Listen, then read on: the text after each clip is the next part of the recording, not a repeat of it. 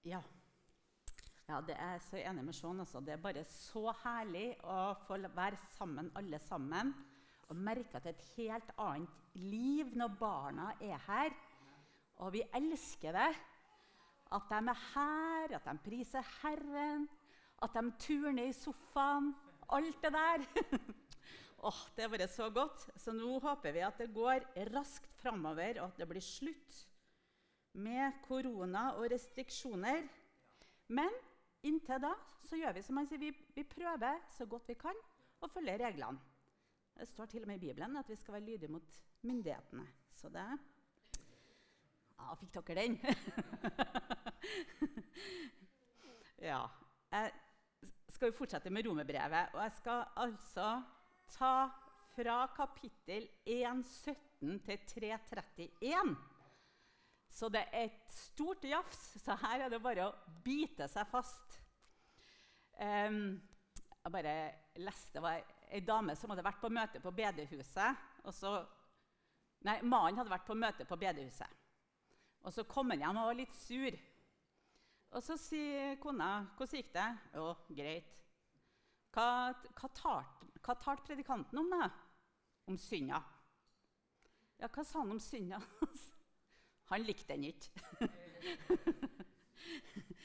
og Et av avsnittene vi skal lese i dag, det handler også om synd.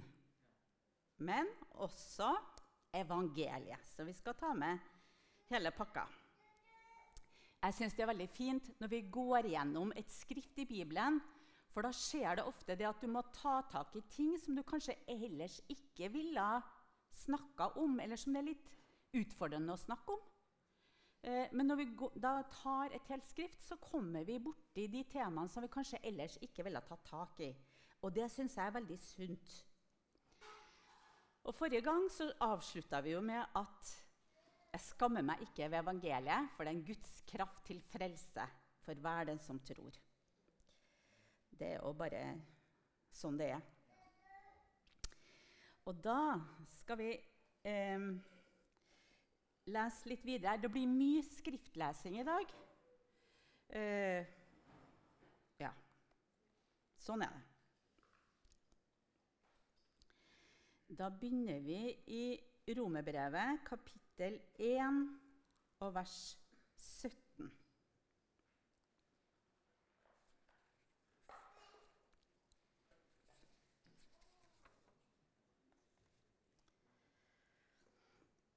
Og da leser vi til og med vers 20. I evangeliet åpenbares Guds rettferdighet av tro til tro, slik det står skrevet. Den rettferdige skal leve ved tro. Guds vrede åpenbares fra himmelen over all ugudelighet og urett hos mennesker som holder sannheten nede i urett. For det en kan vite om Gud, ligger åpent foran dem. Gud har selv lagt det åpent fram. Hans usynlige vesen både hans evige kraft og hans guddommelighet har de fra verdens skapelse av kunnet se og erkjenne av hans gjerninger. Her står det altså at i skaperverket så åpenbarer Gud noe av det, hvem han er. Og Vi leser videre her om at både eh, ikke-jøder og jøder kan se at det finnes en Gud. Altså Det står en skaper bak det hele. Det står en kunstner bak kunstverket. Så Derfor så sier også Paulus derfor så har de ingen unnskyldning altså for å ikke se at Gud er der, og søke Gud. Så Det er jo en sånn grunnleggende tanke. Og så leser vi eh, litt videre her, 21-25, for den som følger med. Han sier derfor har de ingen unnskyldning.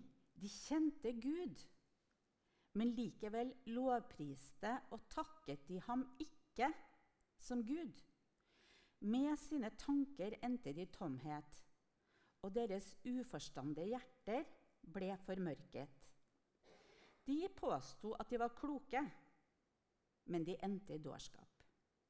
De byttet ut den uforgjengelige Guds herlighet med bilder av forgjengelige mennesker, fugler, firbente dyr og krypdyr. De fulgte sitt hjertes lyster. Derfor overga Gud dem til urenhet, slik at de vanæret kroppen, kroppen sin med hverandre. De byttet ut Guds sannhet med løgn og tilba og dyrket det skapte i stedet for Skaperen, Han som er velsignet i evighet. Amen. Her snakker Paulus om hva synd er. Og synd Det er veldig upopulært å snakke om, altså, men det står i Bibelen, og det er faktisk viktig at vi vet det. Og synda, det var at mennesket, menneskeheten, vi, ikke ville ære Gud, skaperen Herren, men tilbe oss sjøl eller ting i skaperverket. Og da finner du både sant, det at folk har laga seg bilder av ting i skaperverket og tilbedt det, eller at vi setter oss sjøl over Gud. Og det er det som er selve ursinnet. At jeg vil være Gud sjøl. Jeg vil være herre i mitt eget liv. Og av det følger all annen synd, urenhet, det å gå, gå bort. Men selve synda det er at vi ikke vil la Gud være konge og la Gud være Gud, sier Paulus her. Så hvis det var sant før, så er det like sant i dag. Vi, vi, vil heller at vi menneskene skal bestemme. Og uh, vi sier ja, hvis vi har blitt enige om at det er sånn, at det er det her som er rett, ja, da er det det som er rett. Det er ikke noe som skal være over oss. Ikke kom med noen gamle bok her, nei. Sant? Og hva er konsekvensen av det her? Og da kan vi lese eh, eh, litt videre der igjen. Det blir bedre etter hvert. Men vi, vi, skal, vi, skal, ikke late som at dette ikke står, altså. Derfor overga Gud dem til skammelige lidenskaper. Kvinnene deres byttet ut det naturlige samliv med det unaturlige. På samme måte sluttet mennene å ha naturlig samliv med kvinner og brant i begjær etter hverandre. Menn drev utukt med menn, og de måtte selv ta straffen for sin villfarelse. De brydde seg ikke om å kjenne Gud. Derfor overga Gud dem til en sviktende dømmekraft, så de gjør slikt som ikke sømmer seg. Det Paulus snakker om her, er homoseksualitet.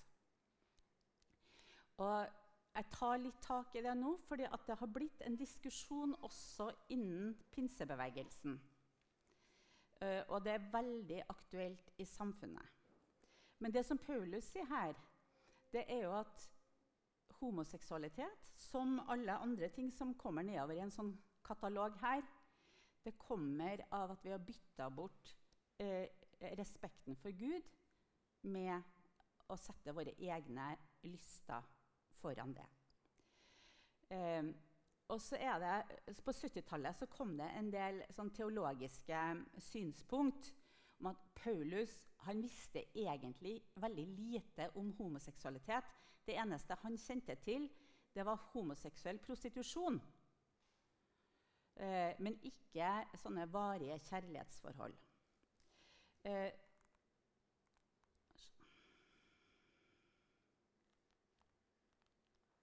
Her jeg problemer med sist. Da kan du flytte et bilde, Lennart.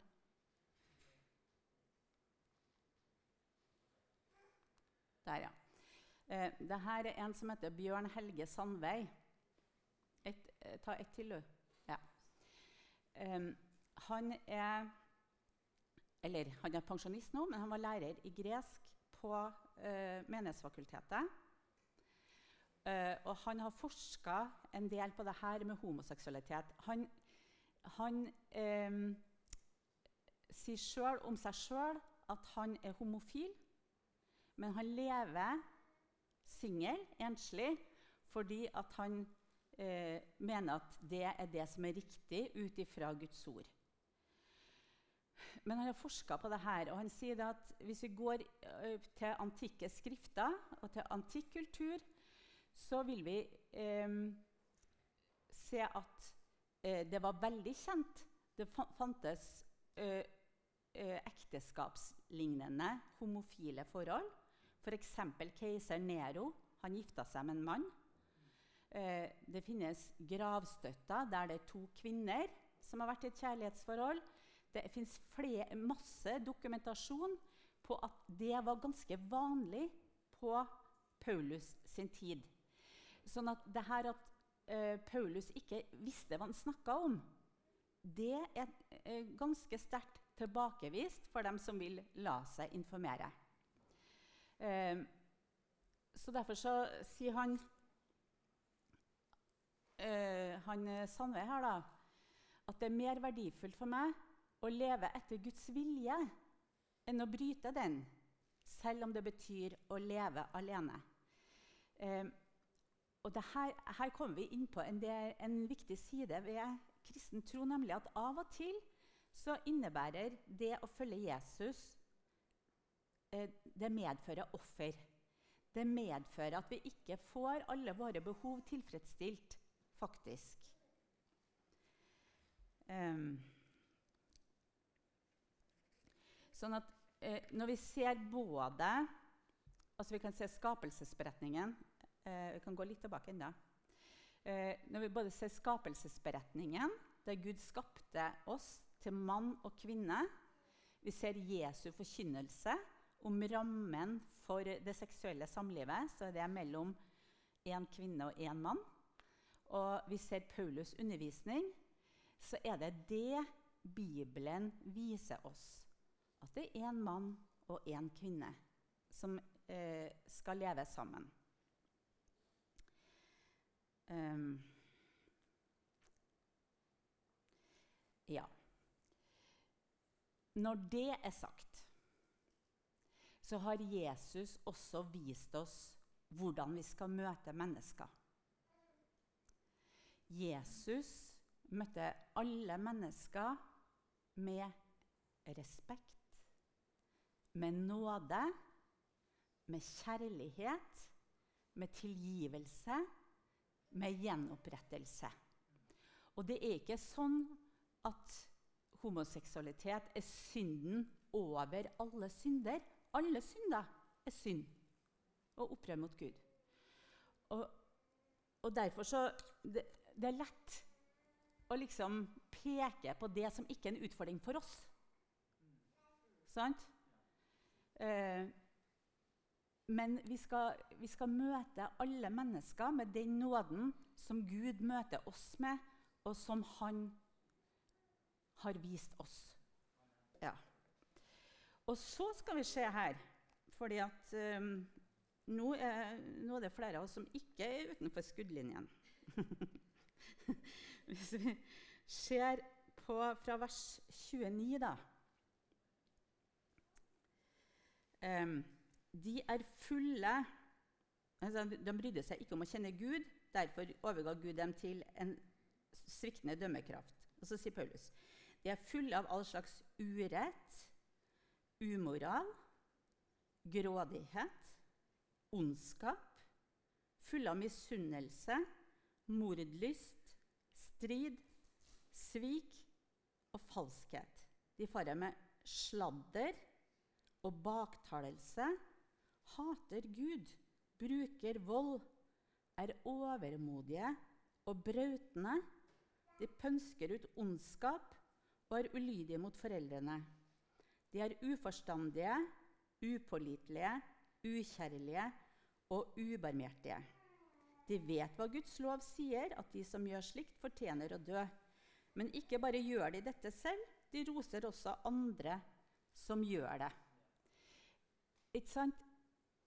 alle, alle de tingene her er en konsekvens av menneskets opprør mot Gud. Så alt det gærne vi kan finne på, det kommer av det. Sant?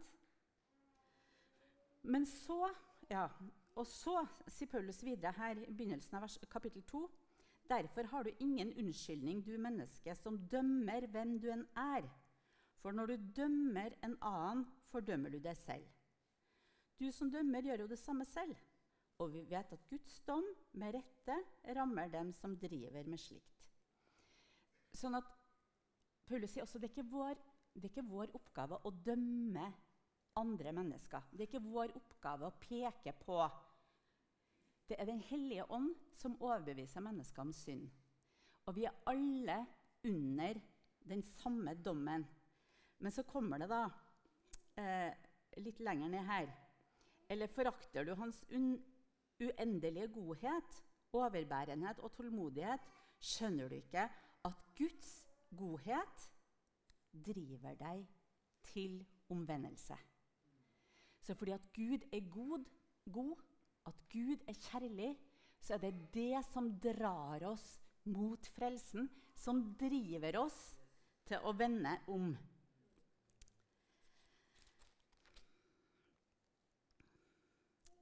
Ja. Eh, og så, Paulus var jo jøde. Derfor var han veldig opptatt av loven sånn som den er presentert i Det gamle testamentet. Paulus han var jo veldig ivrig før han ble en kristen, etter å følge Guds lov. Og Han sier om seg sjøl i Filippe-brevet at ifølge loven så var han ulastelig. Altså Det var ingen som kunne si noe om Paulus' sin livsførsel, for han fulgte loven til punkt og prikke. Og Derfor er han også opptatt av hvordan er nå forholdet mellom jøder og ikke-jøder og hvordan arter frelsen seg for jøder og ikke-jøder? Og det er det han drøfter i de følgende avsnittene her. da. Så sier han, hvis vi går til kapittel 3 Det høres nesten ut som en eh, motsier seg sjøl. Vi skal lese vers um, eh, 1 og 2 og 9. Eh, hvilket fortrinn har da jøden, eller hva gagn er det i omskjærelsen? Mye på alle måter. Først og fremst det at Guds ord ble betrodd dem. Og Så kan vi gå til vers 9. Hva så? Har vi jøder noe fortrinn? Nei, på ingen måte. vi har jo allerede anklaget både jøder og grekere for at de alle er under synden. For det står skrevet det fins ikke én som er rettferdig. Ikke en eneste. Det finnes ikke én som forstår, ikke én som søker Gud. Alle er kommet på avveier. Alle er fordervet. Det fins ikke én som gjør det gode, ikke en eneste. Og Hvis vi tar med vers 23 også her, da For alle har syndet og mangler Guds herlighet. Så Paulus han vet jo det at jødene har fått Guds ord, de har fått Guds åpenbaring, og de var utvalgt til å bringe Messias og bringe frelsen til verden. Så på en måte så har de et fortrinn. Men på den annen side nei, på ingen måte. Vi er alle sammen. De var syndere med loven, de andre uten loven, men var like mye syndere, like mye fortapt. Det er, jo, det er jo faktisk greia for hele menneskeheten. Men så kommer evangeliet. Da kan vi ta neste bilde, Lene. Um, da skal vi lese her først. Men nå er Guds rettferdighet, som loven og profetene vitner om, blitt åpenbart, uavhengig av loven. Det er Guds rettferdighet, dette er Guds rettferdighet som gis ved troen på Jesus Kristus til alle som tror. Her er ingen forskjell, for alle har syndet og mangler Guds herlighet. Men ufortjent og av Hans nåde blir de kjent rettferdige, frikjøpt i Kristus Jesus.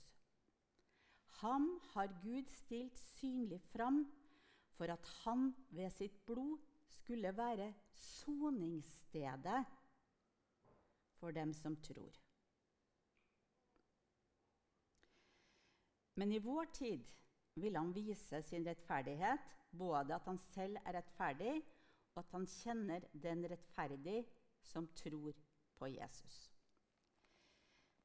Et nådested.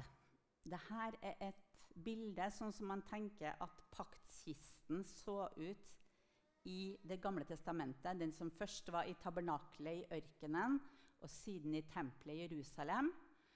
Og som forsvant, og som noen tror at Indiana Jones fant en gang. Det stemmer ikke. den er blitt borte. Men den hadde en funksjon. Fordi at paktskista den sto i det aller helligste i tempelet i Jerusalem. Det var det hellige, der prestene ofra. Og så var det det aller helligste. Der gikk presten inn én gang i året for å sone for folkets synder på den store forsoningsdagen. Men når presten gikk inn i det aller helligste og skulle være liksom innenfor Gud for å be for folket, så måtte han først eh, ofre blodet av et lam for sin egen synd, for han var et menneske. Og så kunne han ofre for folkets synder. Og da var det som at de fikk en ny start på Jom Kippur, den eh, store forsoningsdagen. Men dette måtte jo gjentas år etter år, for det var jo ikke noe forandring egentlig. Men dette, det var et bilde som pekte fram mot det nye forsoningsstedet. Nemlig Jesus, som ga sin egen kropp for oss, for å sone vår synd. Så han er stilt fram som et soningssted for oss. I Det gamle testamentet gikk øverstepresten inn. Nå er Jesus vår øversteprest, som gikk inn i helligdommen én gang for alle for å forsone oss med Gud. Og så, så sier Paulus her eh, vil, Gud ville vise sin rettferdighet, både at han selv er rettferdig, og at han kjenner den rettferdig som tror på Jesus. Dette er jo et dilemma. sant? Eh, hvordan kan en som er rettferdig, si at den som er urettferdig, skal gå fri? Ikke sant? Hvis du blir tatt til retten, du har drept to mennesker, så kan ikke dommeren si jeg var ikke så farlig, liksom. Du slipper fri. Nei, du blir dømt til fengsel for det. Men Gud, som elska menneskene, som visste at vi var fortapt, han måtte finne en måte å gjøre oss rettferdige på. Og uten å miste sin egen rettferdighet. Skjønner dere? Og derfor så måtte han sjøl komme til jord. Gud ble menneske. Gud sona for våre synder. Gud ble hengt på et kors. Og så står det i Korinterbrevet at Guds svakhet når Gud henger på korset, er sterkere enn menneskets styrke. Sant? Når Gud er den svakeste, når Gud dør på korset, så er det mye sterkere enn vår styrke, for ved det så frelser Gud verden. Og fordi at synden ble sona for, så kan Gud være rettferdig og erklære oss som rettferdig når vi tar imot forsoningen som Jesus har gitt på korset. Dette er bare Dette er kjernen i evangeliet, folkens. For vi hevder Ja, så sier han Hva har vi da å være stolt av? Ingenting. Hvilken lov sier det? Gjerningenes lov? Nei, troens lov. For vi hevder at mennesket blir rettferdig ved tro uten lovgjerninger. Er vel Gud bare jødenes gud? Er han ikke også Gud for alle folkeslag? Jo, også for dem. For Gud er én, Han som rettferdiggjør omskårne av tro og uomskårne ved samme tro. Noen av oss har jo le levd ganske greie liv. Vi har ikke drept noen, vi har gått på jobben vår, vi har betalt skatt. Eh, vi har vært ganske ok foreldre. Andre har virkelig rota det til. Kan du ta neste bilde? Eh, her Like før eh, jul så fikk vi et julekort fra en som heter Jan Eriksen. Bare gå videre, du. Ta med hele. Han Jan eh, han var på Blå Kors. Jeg har fortalt om ham før. Eh, men han, han, var en venn av oss i ungdommen. Han ble det. Han var på Blå Kors, han var alkoholiker, han var voldelig, han var hallik. Han gjorde alt som var galt. Og han hadde fått sin siste sjanse, for i fylla så var han så voldelig at uh, de rådde ikke med ham. Så de sa du, hvis, du, hvis du nå drar ut igjen, så kan du ikke komme tilbake hit. Um, og så var det ei kristen jente som heter Inger Sofie, som jobba på Blå Kors. Og når han lå nede i kjelleren der og pusha jern, så kom hun og så sa du, Jan, uh, du kunne ha blitt med meg til Betel. For der er det kristne ungdommer, og der er et rusfritt miljø. Og så ble han med. Den ble han med flere ganger. Og så, en dag, så gikk han fram og tok imot Jesus som frelser. Og Kort tid etterpå så ble han døpt til Den hellige ånd, fylt av Den hellige ånd. Og det var, altså Hvis du snakker om fra mørke til lys, og fra Satans makt og til Gud Det var en total forandring. Og i dag, Nå er han over 70 år. Men han reiser rundt i verden og forkynne i fengsel. Vi fikk dette julekortet her eh, med Jan og kona som er et fengsel i Sør-Afrika. Forkynne evangeliet til fanger, til folk som har gjort de verste ting, og som får høre evangeliet. Altså Evangeliet det er en kraft til frelse for dem som har levd et prektig liv, og for dem som har rota det skikkelig til. Eh, da skal jeg gå mot landing her. Kan du ta de neste bildene? Der, ja. Det her, vet du Ser dere hvem det er? Det er faktisk en gjeng som er frelst av nåde. Dette er fra i fjor, da ting var stengt ned og vi hadde gudstjeneste ute. Dette er annerledesfolket. Det er dem som har tatt imot evangeliet om Jesus. Og sånne grupper fins det over hele verden. Kristne menigheter, kristne mennesker som har tatt imot Jesus. Barn som blir opplært i Guds ord, og som får høre om Jesus og får lov til å bestemme seg for å følge Jesus. Og så har du de folkene her i hverdagen, nemlig. Så er det sånn at da er vi på skolene har jeg bare et illustrasjonsfoto her. Det er en lærer der som underviser. Hun går for øvrig i Salem, da. Men det, det er samme folket! da er vi eh, sykepleiere, vi er snekkere, vi er hotellfolk, vi er renholdere, forretningsfolk, forskere eller pensjonister, som noen av oss. Vi lever vårt liv i hverdagen. Men der er vi også bærere av det samme evangeliet. Og det er det jeg har lyst til å slutte med, for Når Paulus sier er Gud bare Gud for jødene Nei, han er Gud for alle folk. Er han bare Gud for oss i menigheten? Nei, han er Gud for alle som enda ikke har hørt evangeliet. For det står han er en soning for våre synder, ikke bare for våre, men for hele verden. Det er faktisk et misjonsbudskap, det som Paulus også sier. her.